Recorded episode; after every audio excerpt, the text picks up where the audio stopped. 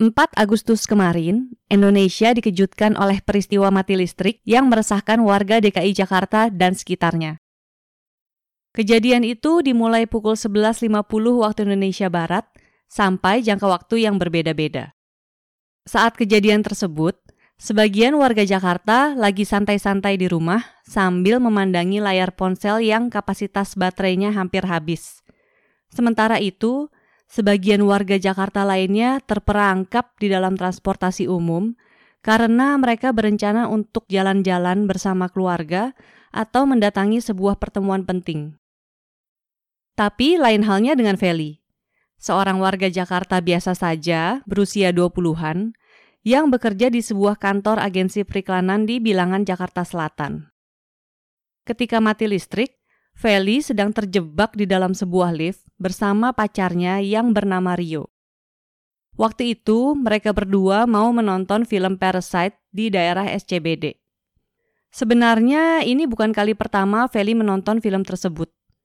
Dia sengaja nonton dua kali film yang sama karena tahu pikirannya sedang tidak berada pada tempatnya. Hatinya kalut sepanjang perjalanan dia terus memikirkan skenario putus yang sudah dirancang sejak beberapa hari lalu. Pokoknya nanti selesai nonton film, gue akan minta langsung pulang aja. Terus Trio akan anterin gue ke rumah dan sebelum gue turun dari mobil, gue akan minta putus. Ya gue akan bilang aja lah dia terlalu baik buat gue, biar dia cari cewek lain aja soalnya gue belum mau serius-serius banget. Pokoknya hari ini gue harus udahan, harus udahan. Dua minggu sebelum Feli dan Rio terjebak di dalam lift, Feli pergi menonton Parasite dengan sahabatnya Angela. Usai menonton, keduanya pergi ngopi sore di sebuah kedai kopi di Kemang. Feli tidak bisa berhenti memuja-muja film yang baru mereka tonton, dan dia mengajak sahabatnya itu untuk nonton lagi minggu depan. Gak mau ah nonton dua kali, gue lagi ngirit. Ajak Rio aja gih. Angela memberikan saran supaya dia bisa melarikan diri dari ajakan. Mendengar Angela menyebut nama Rio, seketika itu juga Feli menghela napas panjang. Beberapa detik kemudian, dia langsung menumpahkan keluh kesahnya tentang Rio. Feli merasa perasaannya ke Rio sudah hilang. Menjelang tiga bulan setelah mereka resmi berpacaran, selera Rio yang tadinya satu frekuensi dengannya tiba-tiba berubah haluan 180 derajat. Feli sudah tahunan bekerja di agensi periklanan tempatnya sekarang. Jadi meskipun berasal dan tinggal di wilayah Jakarta Coret, mau tidak mau dia terkena imbas selera rekan-rekan kerjanya yang sebagian besar anak jaksel. Makanya ketika mencari pacar pun, dia lebih memilih laki-laki yang tinggal di daerah selatan. Alasannya sih supaya mereka punya kesamaan selera. Meskipun sebenarnya sudah bertahun-tahun juga dia tak kunjung mendapatkan pacar yang diidam-idamkannya itu. Bisa dibayangkan dong betapa bahagianya dia ketika bertemu Rio. Rio ini ternyata berasal dari daerah yang sama dengannya dan memiliki selera yang kurang lebih juga sama. Mereka berdua suka banget eksplorasi berbagai makanan Jepang di kawasan Blok M atau menghabiskan akhir minggu di kawasan kota tua atau juga mencicipi kopi di kedai-kedai kopi lokal sambil ngobrolin film-film independen yang ingin mereka tonton, atau membahas musisi indie yang akan manggung dalam waktu dekat. Tapi, masa-masa bulan madu itu cuma sesaat.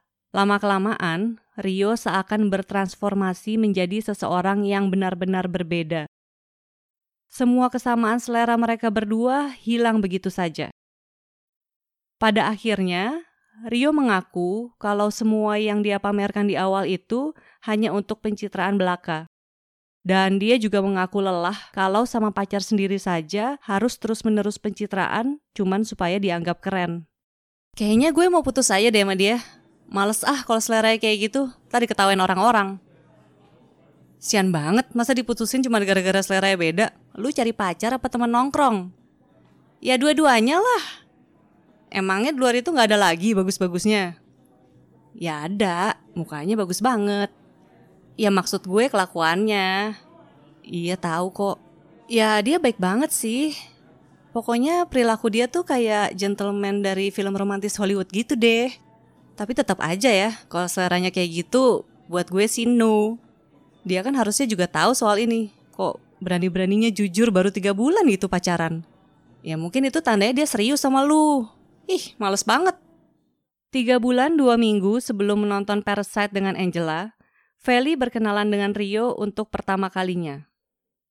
Waktu itu, perusahaan tempatnya bekerja dikunjungi oleh beberapa orang dari kantor yang mendanai perusahaan tersebut.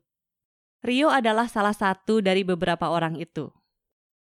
Berbekal hidung bangir, mata teduh, kumis tipis yang menyambung ke area dagu membentuk janggut, rambut klimis nan berkilau berkat pomade, dan kemeja yang disetrika rapi dan harum, tentu saja penampilan Rio membuat Feli jatuh hati dalam sekejap.